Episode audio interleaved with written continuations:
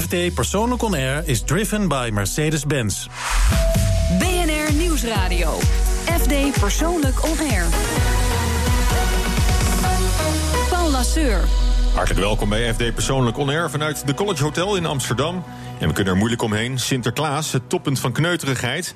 Maar we kunnen het ook een beetje schwung geven. En in het verlengde daarvan meteen een cadeautip. We hebben het over sigaren. En dan van het goede soort, de Cubanen.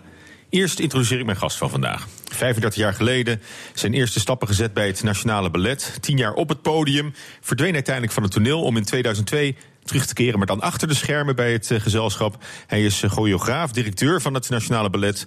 En met zijn nieuwe kijk op klassiekers brengt hij komend seizoen Copelia weer op de planken. Hartelijk welkom, Ted Bransen. Dank je. Ja, dit weekend uh, geen voorstelling van het Nationale Ballet. Betekent het ook een weekend vrij of ben je hard, hard nee, aan de slag? Nee, nee, wij, we hebben gisteravond tot 11 uur gerepeteerd. En morgen de hele dag, de hele zondag repeteren we ook op het toneel. Oké, okay, dus, dus er gaat eigenlijk geen dag voorbij of je, of je Eén dag vrij. die je niet op het toneel doorbrengt. En over het algemeen vrij in de weekenden of dan toch ook met, met de voorstellingen straks? Nee, juist in de weekenden hebben we vaak voorstelling. Dus uh, ja. ons uh, ja, patroon ziet er toch wel heel anders uit dan de, dan de meeste mensen. Wij dansen als andere mensen vrij zijn. Oké, okay, nou dan extra fijn dat we je vandaag in de, in de uitzending Fijn hebben. Zijn. En um, je bent er altijd wel in, in persoon ook bij als er voorstelling is? Eigenlijk bij alle voorstellingen, zoveel mogelijk, ja. En heb je daar dan ook een, een rol bij tijdens die voorstelling? Of, of laat je je uh, toejuichen als het is afgelopen? Nee, ik laat me niet toejuichen als het is afgelopen. Dat, dat hoort er echt niet bij. Nee, ik kijk bij, bij alle voorstellingen. Ik ben uiteindelijk uh, verantwoordelijk voor alles wat er uh, op het toneel gebeurt... en wat wij als gezelschap presenteren. Dus ik wil ook graag zien dat alles goed gaat. En er zijn altijd nieuwe mensen, nieuwe dansers die een, een, nieuwe rol doen. er zijn vaak gasten die ik, die ik moet ontvangen. Dus er is altijd wel werk voor mij te doen. En ik moet ook zien hoe dansers zich ontwikkelen tijdens de voorstellingen. En kun je dat dan een beetje ontspannen ondergaan? Of ben je dan echt wel redelijk verkrampt met je product ik ben niet verkrampt, maar ik ben wel gewoon echt geconcentreerd aan het werk. Ja. ja. En uh, van de volgende week uh, Copelia weer op de planken. Dat is een choreografie van, van je eigen hand. Ja, dat klopt. Copelia heb ik acht jaar geleden gemaakt. Samen met een heel leuk artistiek team. Janine Brocht voor de dramaturgie en voor het libretto. François Noël Chapin voor de kostuums. En uh, Si Postuma, de beroemde kinderboekschrijver... Die heeft het concept voor decor, die heeft de decors ontworpen... en het concept voor de kostuums, dus het hele toneelbeeld gemaakt. Helaas is Siep er niet meer bij. En dat vinden we heel treurig. Maar die heeft een fantastisch leuke, vrolijke wereld geschapen. En het ballet is een soort ja, feel-good ballet met, geworden. Met, met bomen als, uh, als lollies en uh, een beetje zo'n sprookjestuin. Het is echt is het ook. een beetje een sprookjestuin. Het is iedereen die ernaar kijkt, wordt weer een beetje kind. En het is niet alleen bedoeld voor kinderen. Er zitten hele volwassen grapjes in. Want het is een, het is een, een vrolijk ballet.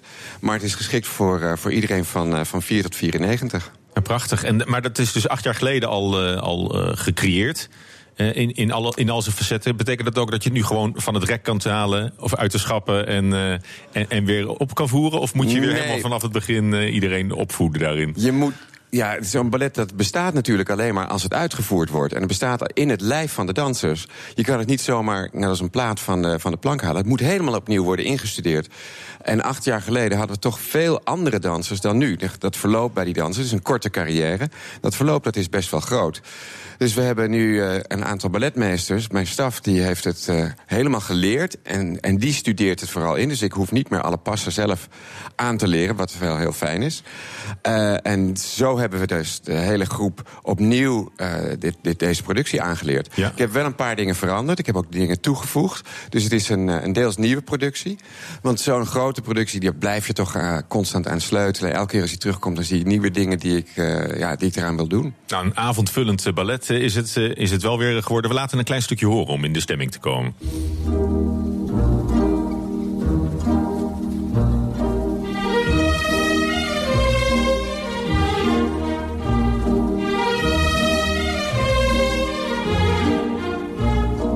Nou, Ted als dat geen klassiek ballet is, dan weet ik het niet meer. Dit is, dit is echt wel een... Uh, dit is muziek van, uh, van De Liebe, uh, ja. Leo De Liebe, Franse componist. En het is inderdaad heel Frans, heel vrolijk, heel frivol, maar ook heel verfijnt. Maar ook, en, ook wel een beetje zoet, hè? Het is, het is, bijna, is een beetje karikaturaal bijna. Dit voor, is toevallig een heel zoet stukje. Maar er zit ook er zit een stuk, een, een rock'n'roll stuk in. Uh, het is echt, zoals wij het ballet hebben gemaakt, zoals ik het ballet heb gemaakt, is wel echt een ballet van deze tijd geworden. Het is een hele nieuwe choreografie. En dat is juist leuk met die klassieke muziek, dat je daar toch iets heel anders mee kan doen. Nou, dat is interessant. We praten we uitgebreid over verder straks, ook over vernieuwing en, en nieuwe, nieuwe vormen. Uh, we gaan eerst kijken hoe jij een droomweekend zou doorbrengen als er geen uh, grenzen zijn aan tijd, afstand of geld. Oeh. En dat klinkt zo. Cristiano Ronaldo is from Portugal, and I want to eat what he's eating. So that's why we're here.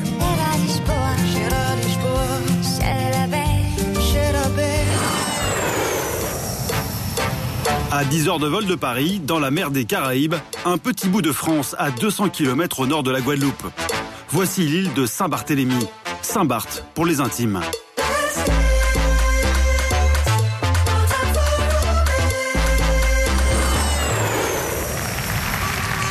It was the new Paris Opera, known to all as the Opéra Garnier, named for its architect, Charles Garnier.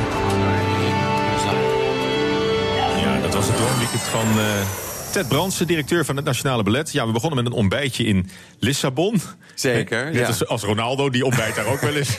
maar dat, uh, uh, waarom wil je naar Lissabon? Uh, Lissabon vond ik een geweldig fijne stad. Ik ben er vaak geweest. Ik heb er ook vaker gewerkt met het Nationale Ballet van Portugal. Ja, het is een, een stad met een hele eigen sfeer. waar ik me ongelooflijk thuis voel. Uh, die totaal een eigen karakter heeft gehouden. En ondanks het feit dat er nu toch wat meer toeristen naartoe gaan, blijft het zichzelf. En het heeft een soort nostalgie. Het, is ook, het heeft er ook mee te maken dat het de laatste stad is van, aan het westkantje van Europa. Ja, Verder kijk aan de je oceanen. Uit, ja. Over de oceaan en de nieuwe wereld. En je hebt uh, een mengeling van historie, eigen karakter, prachtige muziek, goed eten. Ja. En, en, en architectuur. En, en wie is je gezelschap in, uh, in, in Portugal? Oh, ik heb daar een paar vrienden die ik graag uh, mee zal nemen, ja. Oké, okay. en dan het heerlijke eiland uh. Uh, kun je een beetje niksen, of is dat niet het nou, doel van de reis? In de zomer, als ik echt een beetje tijd heb... Dan, zou ik, dan, dan wil ik graag wel een weekje helemaal niks doen. En dat, dat komt er wel eens van, maar niet zo heel vaak. Maar dat, dat lukt je dan ook wel? Om dat een lukt beetje me dan te, ook te wel. Ja, ja, nee, je moet af en toe ook gewoon die knop omzetten. Je moet ook echt... Ik denk dat het heel belangrijk is voor iedereen, uh, iedereen natuurlijk, maar iedereen, zeker als je een beetje drukbaan hebt, om af en toe eens helemaal, helemaal eruit te stappen en niks te doen. En uh, op het strand te liggen en alleen maar naar, naar de zee te staren. Of af en toe een beetje die zee ingaan. En een weekje per jaar, dat, dat lukt dan nog net? Want dat je, lukt me zeker je, wel. je, hebt, je hebt een behoorlijk hectisch bestaan, denk ja, ik. Ja, best wel druk, ja. Ja, want hoe, hoe, hoe, ziet, hoe ziet dat eruit? Nou ja, elke dag is anders. Maar gisteren kom ik binnen en dan zijn er twee dansers die me willen spreken voor de les. Uh, ik heb twee vergaderingen en een noodgeval tussendoor... omdat er iets mis is gegaan met de drukproeven voor het programmaboek. Uh, een, een co-productie die we moeten bespreken met een buitenlands gezelschap. En dan ook nog repeteren gewoon tussendoor. Uh, de budgetten bekijken voor het volgende seizoen. Nou, maar het klinkt, klinkt redelijk chaotisch ook nog, hè? Alsof, nee, hoor, alsof je overal brandjes moet blussen. En, uh... Nou, dat, dat, dat, dat is ook zo, want het is in zo'n gezelschap, een balletgezelschap... elke dag is anders. Je hebt te maken met nou, zo'n 80 dansers... En je, je regelt repetities en voorstellingen. En elke dag is er iemand ziek, geblesseerd. Moet je dat hele schema wat je bedacht hebt weer omgooien. Want dan moeten er andere mensen weer op. Dus het is inderdaad ook wel... Uh, je moet wel kunnen improviseren. Ja, nou, we eindigden in, uh, in Parijs, hè? Ja, fantastisch. Opera Garnier, dat is natuurlijk uh, ook de heilige graal een beetje, denk Dit ik. Dit is een van de mooiste theaters die ik ja. ken. Niet, uh, ik vind ons toneel nog steeds, nog steeds het mooiste toneel. Het toneel van Nationale Opera en Ballet. Want we hebben een fantastisch podium hier in, uh, in Amsterdam. Maar Opera Garnier is een heel bijzonder, bijzonder theater. En daar, daar is ballet eigenlijk begonnen. ruim 300 jaar geleden. Maar het is ook een klassiek theater. Het is een klassiek theater. Het is een enorm groot en pompeus theater. En, het is een bonbondoos, is het? Het is een enorme bonbondoos. Eind van de 19e eeuw gebouwd. En uh, ja, het, het, theater zelf is al een bezienswaardigheid. Maar ik kom er vooral ook om, uh, om te zien hoe ze dansen. Ja, want en Frankrijk is, is ook de bakermat van het, uh, van het ballet, hè? Ja, zeker de bakermat. Op dit moment zijn we zij zijn een fantastische toonaangevende gezelschappen. Juist ook in, in Amerika, in Rusland en in Nederland en in Engeland. Uh, en is Frankrijk niet meer de enige waar het uh, allemaal gebeurt. Maar het is nog steeds een stad waar ik heel graag kom, Parijs. En het is ook een, uh, een theater waar ik graag kom. Ja. En het is ook een, toch een hele, hele internationale wereld, hè? die, die balletwereld. Balletwereld is een zeer internationale wereld. Ons gezelschap alleen al heeft 26 nationaliteiten aan dansers. Die komen echt van over de hele wereld. En ook, er is veel uitwisseling tussen ons gezelschap en andere gezelschappen. In, in februari bijvoorbeeld organiseren wij een, uh, een conferentie voor balletdirecteuren, uh, artistiek leiders uit de hele wereld. En dan komen mensen echt letterlijk van Rusland, Korea, Amerika, Frankrijk, Italië, overal naartoe naar Amsterdam om uh, met elkaar de staat van de dans te bespreken. Ja, en wat je net voor de uitzending kort vertelde, jullie hebben ook een Syrische danser naar Nederland gehaald, hè? Ja, een paar maanden geleden was er op Nieuwsuur een reportage over Ahmad Jude, een, een danser in Damascus. Die uh, ja, in een plat gebombardeerde wijk toch nog door bleef gaan met dansen. Uh, onder doodsbedreiging, want hij werd vaak bedreigd met de dood... omdat dansen niet meer mocht daar. Zijn vader had het nooit goed gevonden. Zijn moeder die had hem altijd gesteund en was zelfs gescheiden van zijn vader. Die uiteindelijk uh, het land ook ontvlucht is. En Ahmad die bleef doorgaan. En die zei ook, als ik niet kan dansen ga ik liever dood. Hij gaf les aan kinderen, weeskinderen. Uh, en iemand die zo'n passie had voor, voor het vak, voor, voor wat hij wilde doen, voor zijn kunst. Maar tegelijkertijd in een onmogelijke situatie zat. En letterlijk de hele tijd bedreigd werd. En nu kwam er ook nog eens bij dat hij in dienst zou moeten. In het Syrische leger. Dat vecht tegen zijn eigen bevolking. In dienst voor drie jaar. En hij is niet het soort man, dat lijkt nee, mij ook is wat, niet wat, iemand wat die dat makkelijk tussen zou- wapenbroeders. eh. Nee, en sowieso wil hij dat niet. Zijn carrière zou, over, zou over zijn. En ik denk niet dat hij dat zou overleven. een En een hele dacht- gevoelig man waarschijnlijk ook. Ja, een, een, een artistiek type. Ja. En toen dacht ik, weet je, er zijn zoveel dingen op de wereld waar we niks aan kunnen doen. Maar hier is iemand waar, die ik herken. Het is net als andere dansers bij ons. Wij halen veel buitenlandse dansers naar Nederland. Hij is niet een danser voor ons gezelschap, maar misschien kunnen we hem helpen. En toen heb ik samen met de Nationale Balletacademie ervoor gezorgd dat hij een beurs kon krijgen bij de Nationale Balletacademie. En hier zijn studie kon voortzetten. En we hebben hem dus hier naartoe gehaald zodat hij niet in dienst hoeft en uh, dat hij hier een nieuw leven kan beginnen. Vanavond in Nieuwsuur om 10 uur op Nederland 2... Uh, een volgreportage over hoe, hoe hij hier is aangekomen... en ook ja, over het fonds wat we hebben opgericht... om hem en andere Syrische dansers en kunstenaars te ondersteunen. Nou, prachtig eh, verhaal ook eh, van jullie rol in de. Ja, in, in Soms kan je als organisatie meer doen dan je denkt... en kan je ook iets doen met, ja, met alles wat we bij elkaar hebben... Om, om de rest van de wereld een beetje beter te maken. Ik praat straks verder met Ted Brandsen. BNR Nieuwsradio. FD Persoonlijk On Air. Elke week schuiven deskundigen aan om te vertellen wat het hart raakt en het oog streelt en de smaakpapillen prikkelt. Deze week is dat uh, Onno Aarde. We kennen hem als man van de wereld van het magazine FD Persoonlijk. En ja, we moeten het hebben over een van de, van de oertradities van de Nederlandse samenleving, het Sint-Nicolaasfeest. We moeten het niet alleen hebben, we willen het er heel graag over We hebben. willen het er ook heel graag over hebben. Ja, Sinterklaas. Zit je een beetje in de voorpret? Ja, ik zit enorm in de voorpret. Het is, uh, het is uh, inpakken en wegwezen.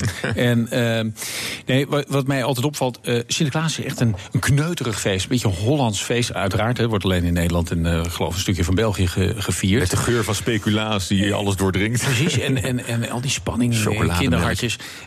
Kerstmis is langzamerhand de laatste jaren uh, st steeds Ja, bling, extravaganter geworden. Ja. He, dat, is- dat is een beetje het feest geworden van de grote cadeaus. En, en uh, laten we zeggen, het materialisme, als ik dat woord uh, mag gebruiken hier. En Sinterklaas blijft een soort aangename kneuterigheid houden. Maar we zouden FD persoonlijk koesteren. We moeten dat koesteren, die zeker koesteren, maar we zouden FD persoonlijk oneer niet zijn als we het een beetje proberen te pimpen. En hoe doen we dat?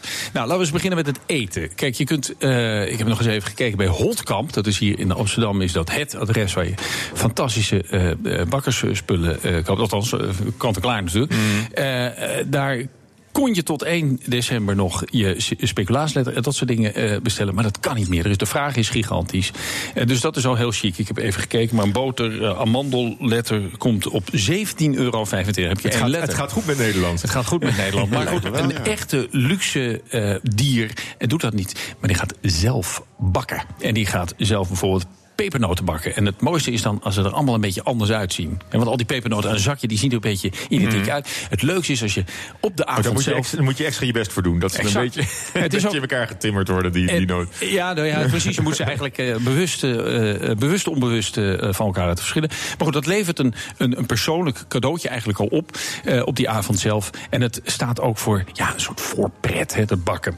Nou, Dus zelf, zelf bakken. En, maar, maar uiteindelijk, de, de Sint moet ook een keer binnenkomen. Ja. Denk, daar moeten we ook werk van maken. hè? Ja, je hebt de klopdienst, hè, welke buurman eh eh, is speelt voor zich. Oh, jee, er wordt geklopt. En dan eh, hand van die pepernoten ik, vond dat een magisch moment. Ja, ja, ja. In mijn jeugd zelf vond ik het een magisch moment. Ik En, dan, jij en als, als klopdienst ook. En eh, later ben ik zelf gaan kloppen natuurlijk. Dat klopt wel. Dat is heel spannend om te doen. Ja, maar ook hier kunnen we het een beetje pimpen door bijvoorbeeld Sint te laten komen. En dat kan in soorten en maten. Die kan met 1, 2 of 3 pieten komen. We hebben even online gecheckt. Een piet, een gemiddelde piet, je kan hem op Marktplaats bestellen. Natuurlijk zo'n piet. Mhm. Eh, en zijn gevolg. Eh, je kan een Sint op Marktplaats bestellen. Er zijn zelfs eh, sites als Sinterklaasmarkt.nl. Maar jij, zegt denk ik, ga voor een totale entourage. Stel nou, gro- eens, stel, nou eens, nou, stel nou eens dat je een Sint met vijf pieten laat komen. En die laat je een uurtje komen. Dan ben je vijf, 600 euro verder, dat wel. Maar dan heeft die Sint nog niks aan.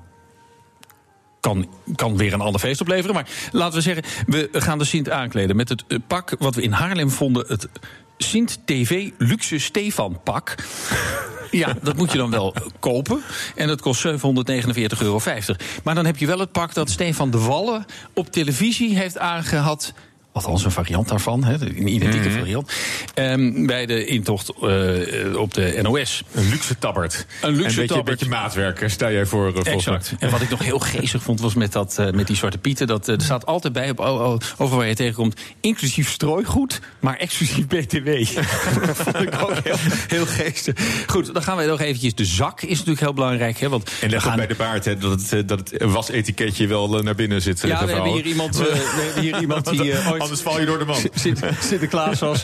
Linden, eh, die, eh, die, die werd ontdekt omdat ze het, eh, het, het labeltje van zijn baard nog naar buiten ging. Maar goed, dit even terzijde. Nee, dan hebben we de jute zak.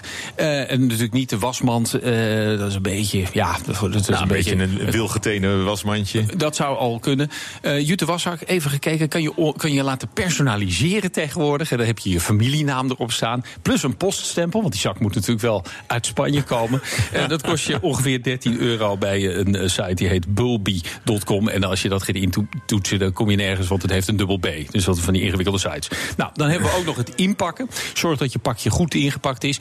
Leuke vind ik dat de retail, de- dus de winkels in de straat, daar een gat in de markt hebben ontdekt. Want bol.coms die bieden wel verschillende soorten inpakpapier aan, maar die blijken al heel snel. Bol.com is ten onder gegaan aan zijn eigen inpaksucces, want die hebben nu alleen nog maar blauwe bollen papier in de aanbieding. Ja, dan heb je dus op een gegeven moment voor je hele godganse familie pakjes gekocht en die komen allemaal in zo'n Allemaal bol.com bol.com. eh, verpakt. Dat is niet leuk. Dus eh, wat ik eh, vond, zeker kinderwinkels zijn er langzamerhand goed in. Zwarte pietjes erop en of mm, verroetveegpietjes. Wat, wat ik, vind, ik vind dat wel heel erg helpt als je, als je eerst een doosje eromheen doet. Zodat je echt zo'n vierkant pakje hebt. Ja, en- en dat ziet wat- er ook uit als een pakje. En wat, wat is er mis met een strik? En het, het strikken is weer helemaal in. Hè? Ik, bij de Maar, maar- kun je maar dat moet, je dat, moet je dat zelf doen of moet je dat laten doen? Nou ja, het, het meest chique zou natuurlijk zijn om dat te laten doen. En dat kan ook steeds meer winkels. Ik ben zelf vaak in Parijs. En waar je bij de Grand Magasin, hè, bijvoorbeeld de Le Printemps, eh, binnenkomt... daar heb je echt een afdeling inpakpapier. Nou, Neiman Marcus maar in maar New York... zijn, zijn we dan niet... Dat drijft wel weer een beetje naar, naar de kerstglamour toe, vind ik hoor. Ja, maar je kunt dus een beetje kerst lenen, Paul.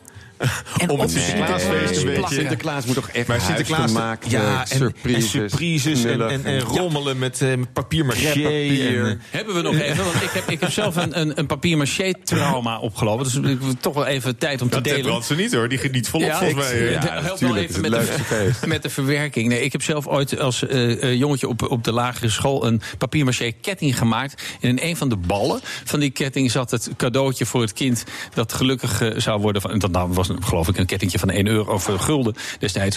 Maar ik wist niet meer in welke.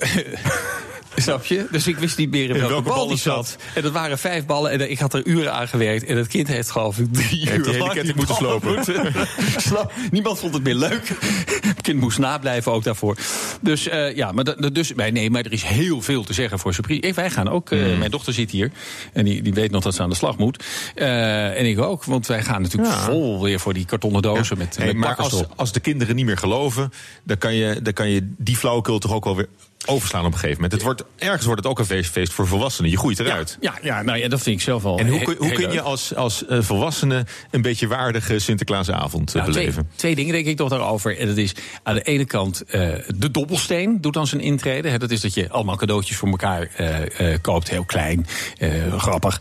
En dan ga je dobbelen met, met de meest uitzinnige dingen. Dan heeft, iedereen, heeft iemand op een gegeven moment precies de cadeautjes die hij wil. En de laatste keer dat de dobbelsteen wordt gegooid, dus geef alle cadeautjes aan je buurman. En dan ben je ze weer kwijt. Dat, Het draagt bij een feestvreugde. Een ander ding... Dus het, wel- het gaat nooit echt om de heb, hè? Het gaat Nee, om de beleving en ja. om de gezelligheid en, om het bij is, elkaar zijn. Dat is het tweede wat ik wil zeggen. Nou, als je nou echt zonder gelovige kinderen eh, dat doet, geef elkaar eens een ervaring cadeau. Eh, eh, ga eens naar een palet, zorg eens dat je een, eh, iemand naar een palet stuurt of eh, een, een, massage, tien Mhm. rittenkaart voor een massage. Kijk, vaak hebben mensen al snel dingen en dan, dan kun je mensen niet echt blij mee. En boeken natuurlijk Mhm. en altijd. Onno, ik denk ook de avond zelf. Want ik stel me zo voor dat je, dat je Ja. bij de Sinterklaasavond een, een kist goede sigaren. Ik loop een beetje uit Ja, ja, vooruit ja, op de rest van het ja, programma. ja. Maar een kist sigaren meebrengt en, Ja. en, en eens even met elkaar een sigaar rookt en dat beleeft. Of een hele bijzondere Japanse whisky of Ja, zo. ik dacht en dat, al, de- jij gaat het Jij over gaat- Japanse oh, whisky over hebben. drank, Maar eh, ja, nee, oh, zo kennen we je. Maar- waren nog bij de chocomel en eh, pepernoten. Maar, eh, Nou, dan kan een scheutje whisky, kan ook. kan een scheutje whisky we in die proberen zak. het een beetje. Ja, maar goed, eh. Paul, je hebt een goed punt te pakken. Ik denk dat het, hoe ouder je wordt, hoe minder ook de vreugde van het uitpakken. Hè. De kleinkind vindt 90% van de lol zit in het uitpakken van die verpakking en het 10% het cadeautje. Bij ons is het misschien omgekeerd. Dus dan gaat het echt om wat krijg je dan? En als je een ervaring krijgt, iets wat, wat, blijft, wat een herinnering oplevert. Ja, dan heb je denk ik de mooiste kneuterigste, maar ook dierbaarste Sinterklaas. Dankjewel, Onno Aarde. En we doen allemaal ons best om er een kneuterig feest van te maken, maar met dat beetje extra. Toon mij uw kast en ik zeg wie u bent. In die geest ging Jigo Krant op bezoek bij columniste en filosofe Simone van Saarloos. Hoi. Hi, dit is Jigal van BNR. Hoi. Hallo. Hallo, kom verder. Simone van Saarloos in haar eigen habitat. Ik zou graag een blik in jouw kast werpen. Ja, dat mag. Maar je hebt vast meer kasten hier in huis. Wat mee? Een boekenkast zie ik hier. Kast, ja. Een platenkast. Nee, heb ik niet. DVD-kast. Ook niet. Koelkast. Ja, heb ik. Kledingkast. Ja. Porseleinkast. Nee, kledingkast mag niet bij, Eh, hoor. nachtkastje. Ja, maar... Nou, ik heb een dobbelsteen bij me. Ja? Laten we afspreken. Eén boekenkast. Ja. Twee koelkast. Drie kledingkast. Vier nachtkastje. En vijf en zes mag je zelf kiezen. Nou, doe maar. Wel. Oh jee. Van de tafel op de grond, dat telt eigenlijk niet, hè? Even kijken. Eén. Oh, dat is makkelijk. Dat is de boekenkast, hè? Jij hebt een geluk. Ja, oeh, fijn. Nu is natuurlijk je eigen boek net uit. ja. Heeft hij al een plekje in de boekenkast gekregen? Nee, nog helemaal niet, eigenlijk. Dat, dat moet nog. Wat is nou je grote voorbeeld als we hier naar de boekenplank kijken? Jeetje. Nou, dan is het maar net waar ik mijn ogen op laat vallen. Ik heb niet één groot voorbeeld. Ik kijk nu naar Neer Baram. Israëlische auteur. Ja, die ik echt geweldig vind. Eh, vooral omdat zeg maar, zijn engagement, hoe, dat, hoe hij dat in fictie verwerkt... vind ik echt geweldig. Hij heeft onlangs overigens een boek geschreven... over zijn tocht langs de Westbank, Gaza... en dat hij echt journalistiek werk doet. En dat was ook schitterend geschreven. Dus ja, als ik nu dan naar mijn boekkast kijk... dan denk ik, oh ja, Neer vind ik echt Die geweldig. springt eruit. En Ja. je eigen boek, daar speelt de boerka een belangrijke rol in. Heb je iets met de Arabische wereld, met het Midden-Oosten? Nou, ik ben niet heel bekend met de Arabische wereld, voor zover die bestaat. Maar ik heb wel iets met de angst die er op dit moment heerst... ten opzichte van moslims. En in de burka speelt in mijn roman een enorm diverse rol volgens mij. Ik bedoel, het gaat van letterlijk een stuk stof zijn waar je onder kunt verdwijnen... zoals je ook onder een, een deken kunt willen verdwijnen... naar inderdaad een heel politiek statement. Jouw personage wil de marathon van New York in burka lopen. En jij bent gisteren zelf de straat op gegaan in burka. Ja. Nu hebben we tot jouw opluchting geen kledingkast gegooid. Maar heb je hem hier hangen? Ik heb hem hier in de kledingkast, ja. Ja, mag ik hem eens Ja, zien? Mag wel. Hoe kom je daaraan? besteld via internet. Deze was 29 dollar. Nou, dat is echt niks. Dat betekent dus dat het hele slechte kwaliteit was. Doe me eens aan. Hoe voel je je nu, nu je hem aan hebt? Ja, inmiddels voel ik me heel erg thuis onder deze burka.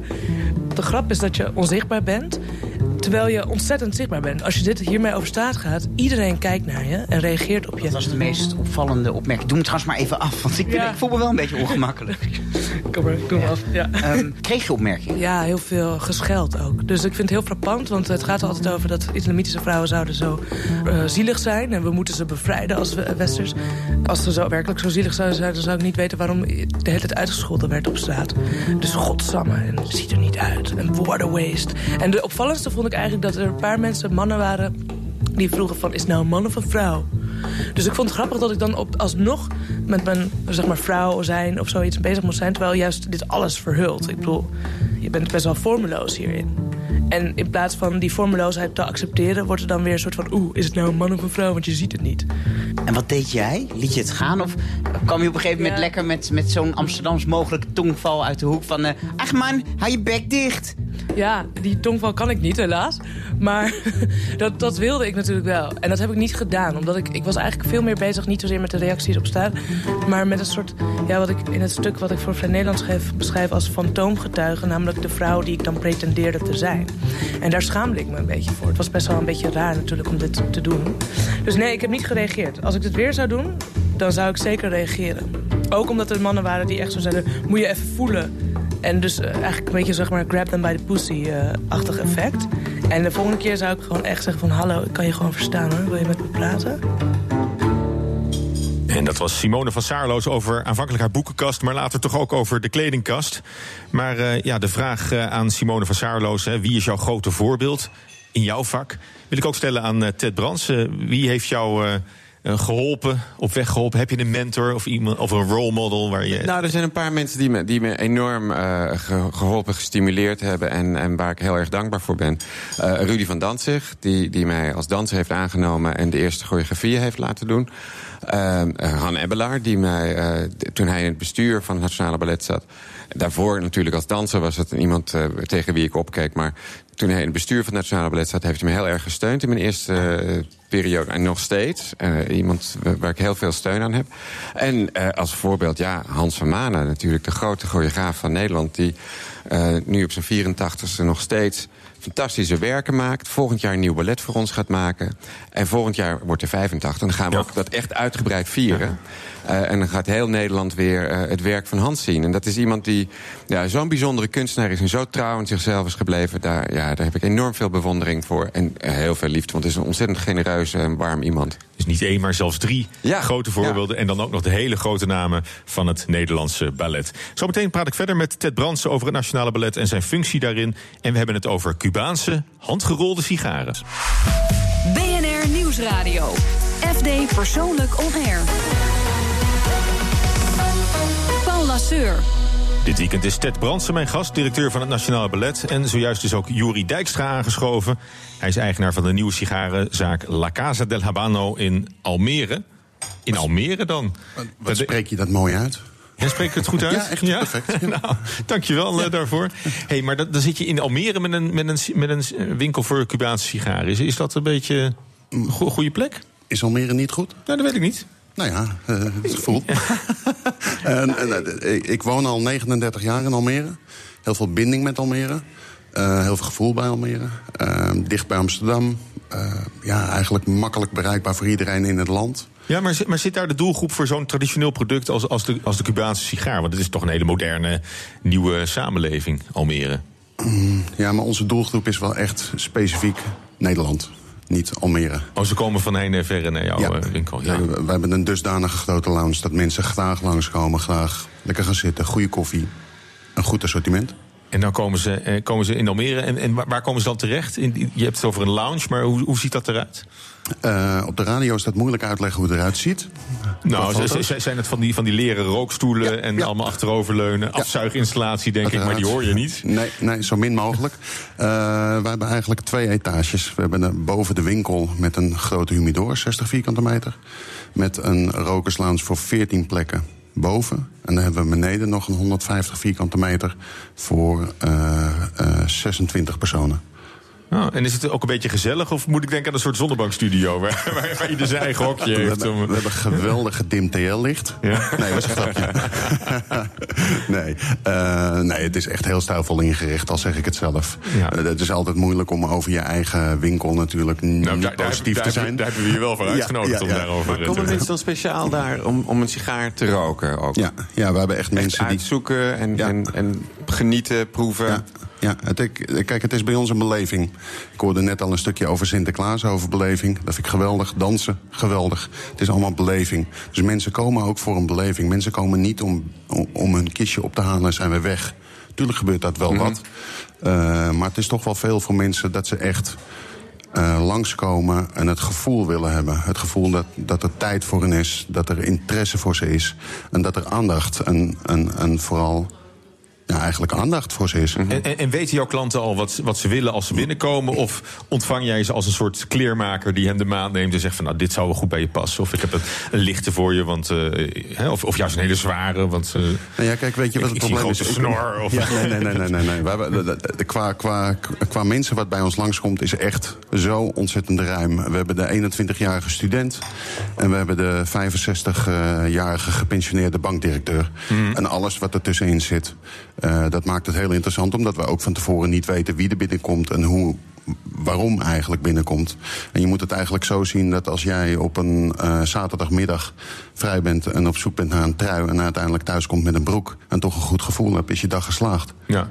maar, maar, maar stel, ik, eh, ik, ik kom bij jou in de, in de zaak. Gezellig. En ik zeg van nou, het lijkt me wat zo'n zo'n Cubaan. Ik, ik heb een uurtje de tijd. Ja. Hoe, hoe, eh, hoe gaat dat verder in, in zijn werk? Nou, dan, Ding ga, dong.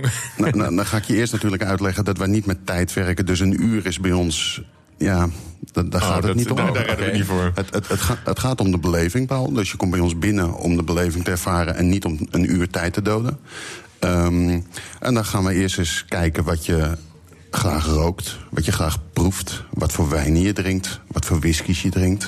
Dus je krijgt zo'n heel palet, eigenlijk een heel profiel Nou ja, a- kijk, het is, aange- aangemeten. Maar het is voor mij heel belangrijk dat ik jouw pro- smaakprofiel weet. Kijk, het, het maakt mij niet uit in wat voor auto je rijdt of wat voor trui je aan hebt. Alleen het gaat mij om de beleving dat ik jou optimaal kan eh, eh, geven van de smaak wat je zoekt. Ja. En zijn er zulke ja. grote verschillen dan tussen, tussen die Cubaanse sigaren? Maar dat- ik rook zelf niet, ik kan me er ook moeilijk iets bij voorstellen. Ooit, maar ooit dat- gedaan eigenlijk, eh? Of niet? Ja, ja, toen ik danste heb ik wel gewoon sigaretten gerookt. En veel te veel. Om een beetje slank te blijven, Ik, of wou niet? net zeggen, eh, volgens mij zijn er veel danseressen en dansers die eh, roken. Eh, nog, nog steeds te veel. Eh, Maar het, is, het wordt wel steeds stress- minder. stressvol een derde, vak natuurlijk, Een derde van de, van Ja. de groep, denk Ja. ik misschien.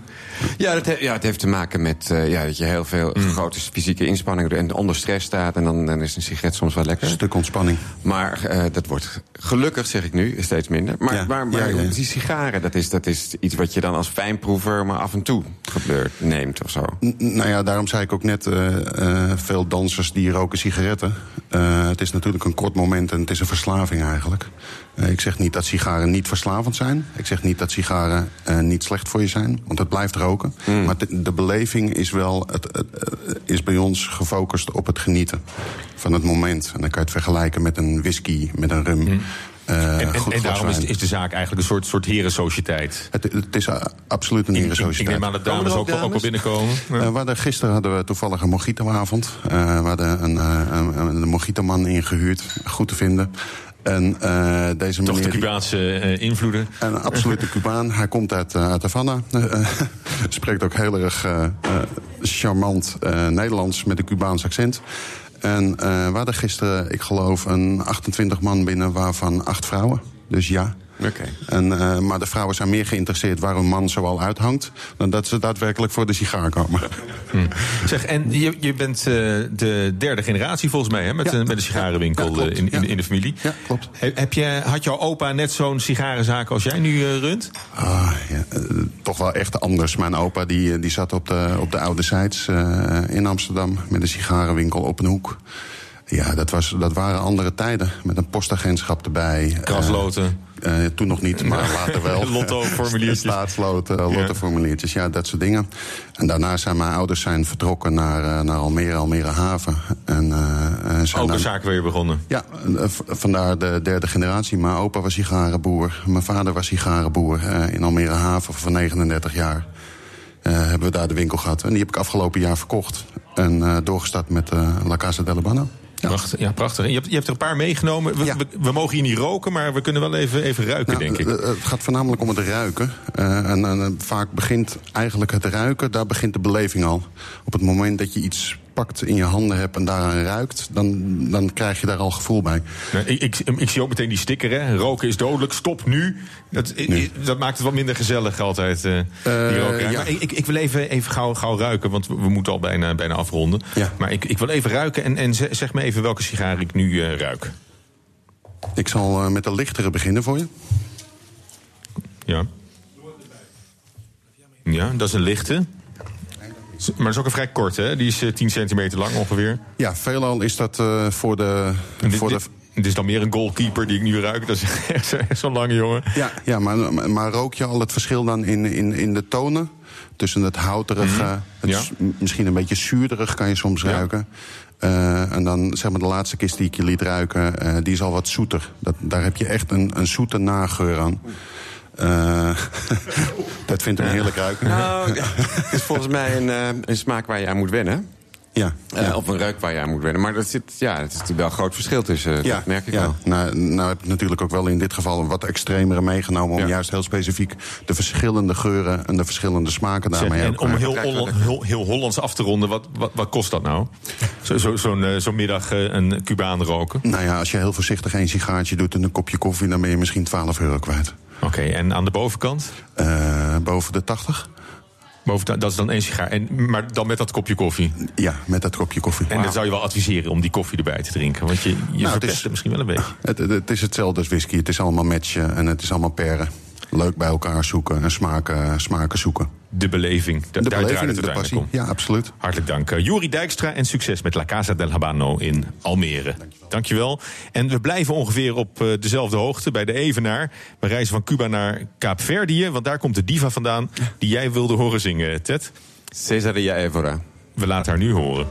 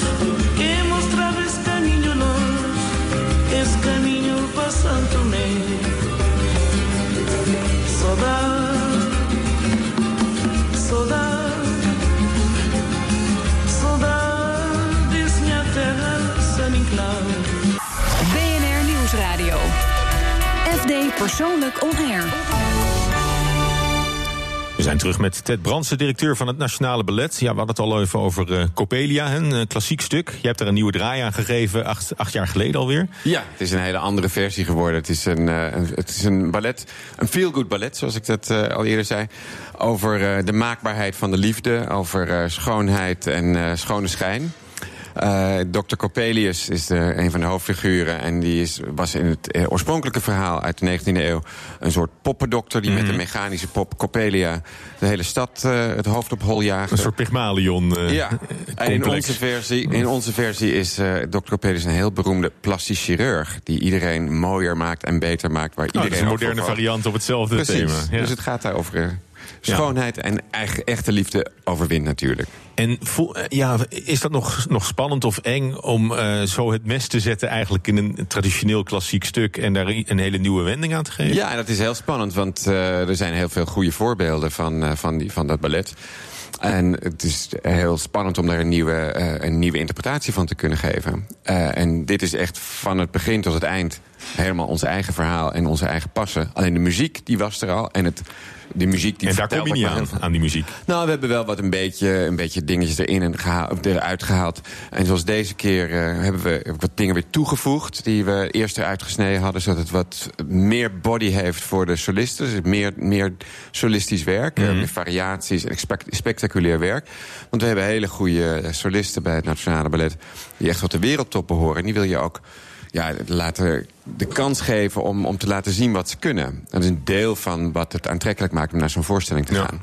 Ja, en heeft eh, het ballet ook dat spektakel nodig om het aantrekkelijk te maken voor een, ook voor een nieuw publiek misschien? Ik denk het wel. Ik denk dat eh, een nieuw publiek eh, door veel dingen geïnspireerd kan raken. Maar juist ook door ja, de fysieke virtuositeit van, van dansers. En het, het- ja, het, het- de top, topprestaties die zij leveren. Want dansers zijn uiteindelijk niet alleen eh, geweldige artiesten, maar het zijn ook topatleten. Het zijn eh, een soort atletische poëten, eh, eerlijk Ja. gezegd. En dat is, dat is iets wat mensen, als ze dat eenmaal van zien... en zeker als je dat van dichtbij meemaakt... dan zijn mensen heel snel onder de indruk en overstagt... voor, voor wat deze dansers kunnen. Het li- lijkt me voor jou heel belangrijk om een balans te vinden tussen, tussen traditie enerzijds en, en vernieuwing anderzijds. Absoluut. En ons gezelschap die, die balanceert daar constant tussen. We in Nederland hebben niet een hele oude traditie van ballet. Ballet bestaat al meer dan 300 jaar, maar in Nederland pas eigenlijk sinds, eh, sinds de Tweede Wereldoorlog. En ons gezelschap bestaat dit jaar 55 jaar. Dus dat is best wel kort als je dat vergelijkt met eh, het Bolshoi of het ballet van de Ja, voor Parijse zo'n klassieke kunstvorm Ja. ook. Ja. En we hebben een aantal taken. En een van die taken is het in stand houden van het erfgoed. Dus eh, de grote klassieke balletten laten zien. Maar ook laten zien wat er hier in Nederland is gecreëerd... in die afgelopen 55, 60 jaar. Maar tegelijkertijd eh, willen we ook dat die kunstvorm zich blijft vernieuwen... en blijft ontwikkelen. Dus je moet ook steeds nieuwe dingen proberen. Nieuwe interpretaties geven van oude werken. Maar ook totaal nieuwe creaties maken. Ja, want heeft niet iedereen Zwanen meer wel, wel een keer gezien? Nou, lang nog niet iedereen.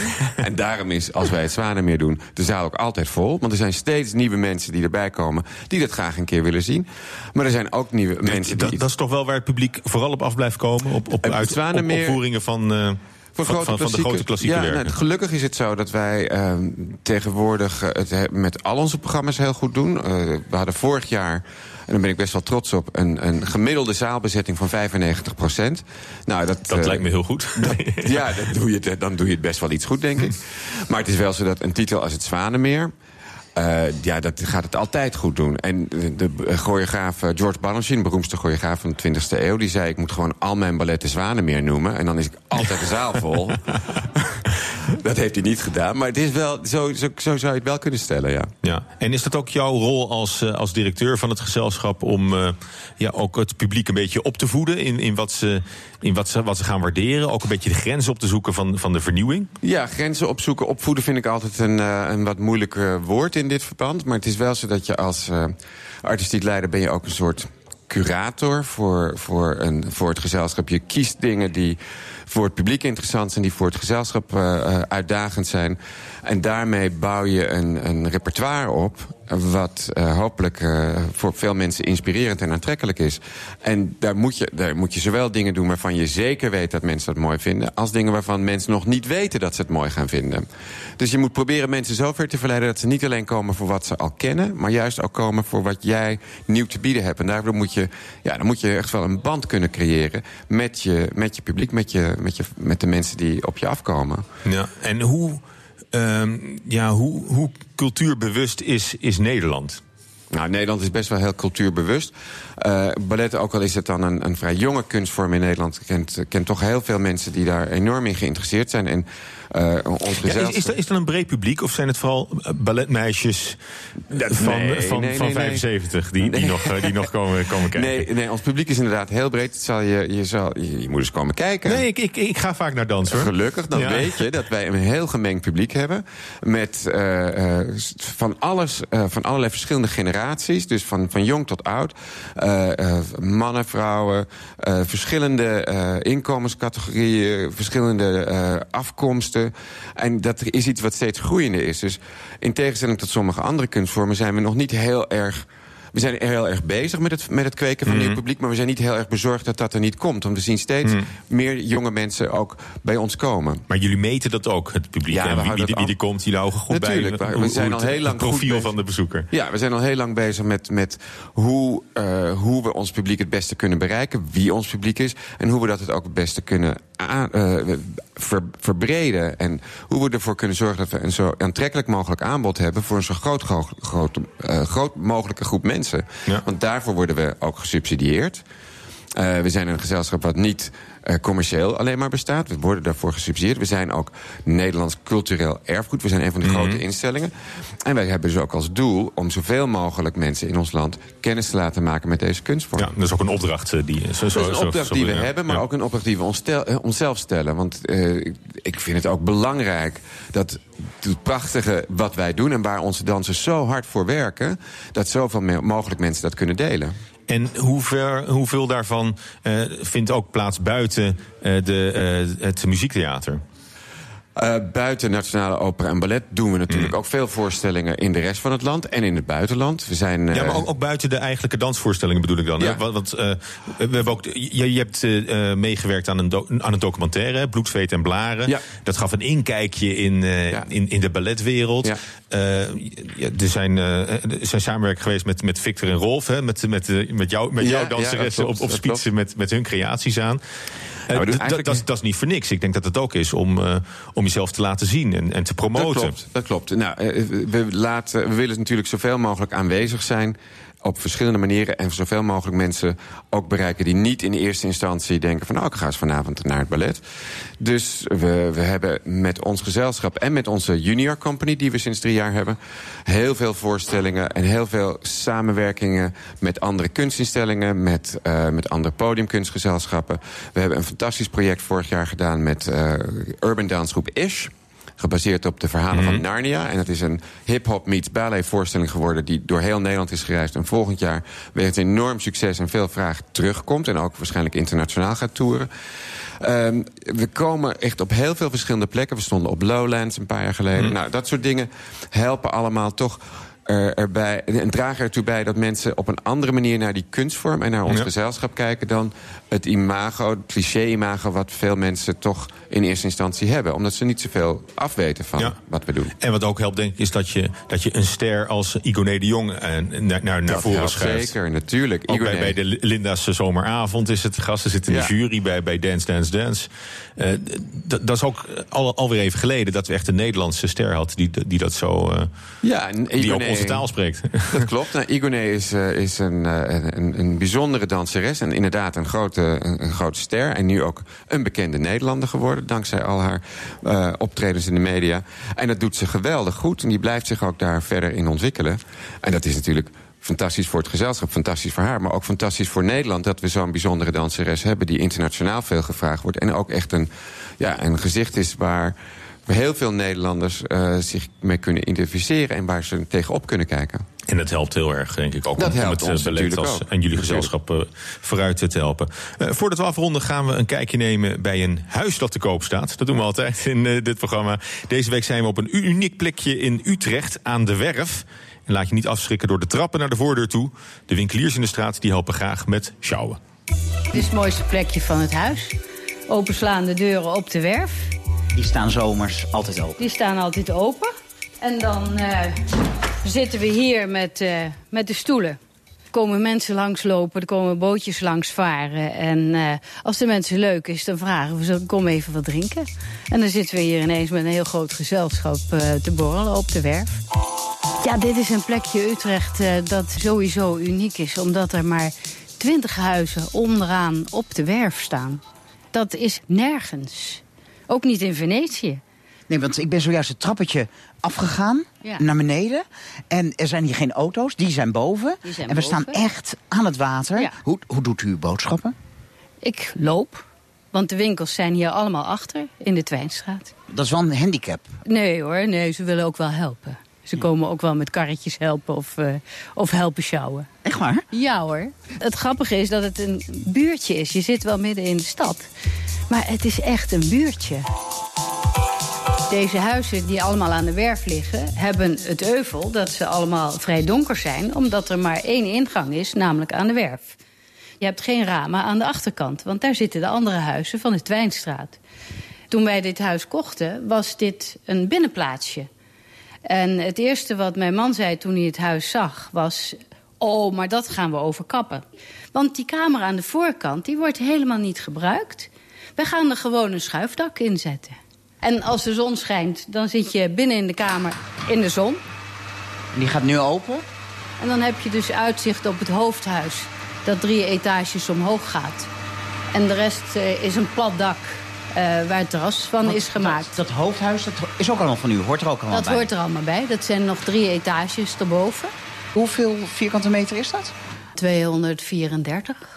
Dan kom ik aan huis. bij de vraag die ik bijna altijd stel in deze serie. Ja. Maar ik heb hem nog nooit zo gemeend gesteld als dit keer. Ja. Waarom wilt u hier weg? Nou, dat is ook een hele overweging geweest. Want we wonen hier 17 jaar. Met ongelooflijk veel plezier. Mijn man is van huizen inrichten. Heeft een ontwerpbureau gehad.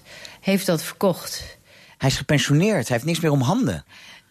Nou, hij wil dus projecten doen. Ja, Dat is zijn en dan werk. bent u de dupe van. Heeft dat- u zo'n mooi huis? Ik ben helemaal niet te dupe. Want als het me niet zint, dan zeg ik het wel. Ik vind een woonboot ook het einde. U gaat verhuizen naar een woonboot. We gaan naar een woonboot, ja. Dat je echt bovenop het water zit. Je hebt hier heel veel contact met het water, maar op een woonboot is het nog dichterbij. En water is het mooiste wat je kan hebben. We hebben een huis in Frankrijk en dat ligt ook op de oever van de rivier. We willen altijd naar water kijken. Hier komen we op het dakterras. Je zit hier precies op straatniveau van de overkant van de Oude Gracht. We hebben hier één keer gezeten dat iemand een gitaar had meegebracht. Dat we tot twaalf uur s'nachts zaten te zingen. En dat iemand aan de overkant op de Oude Gracht stond mee te zingen. Dat was heel bijzonder. Kijk, dat zijn herinneringen die niemand je meer afneemt. Nee, want het is, het is een klein gemeenschapje hier. Maar door het verhuizen verlaat u ook dat buurtje. Ja, dat is een grote zorg. Maar goed, we blijven gewoon hier komen op de buurtborrel. We kennen natuurlijk eh, alles en iedereen na 17 jaar. Dus we gaan ervan uit dat we welkom blijven. Maar we moeten daar weer eh, een nieuwe omgeving opbouwen. Dat zei Quirine Donia. En wie dit huis terug wil vinden, het gaat om Twijnstraat aan de Werf 12a.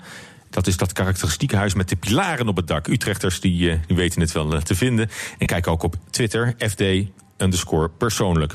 Ted Brandsen, hartelijk dank dat je mijn gast was eh, dit uur. Het vliegt voorbij. Wat staat er nog op het programma?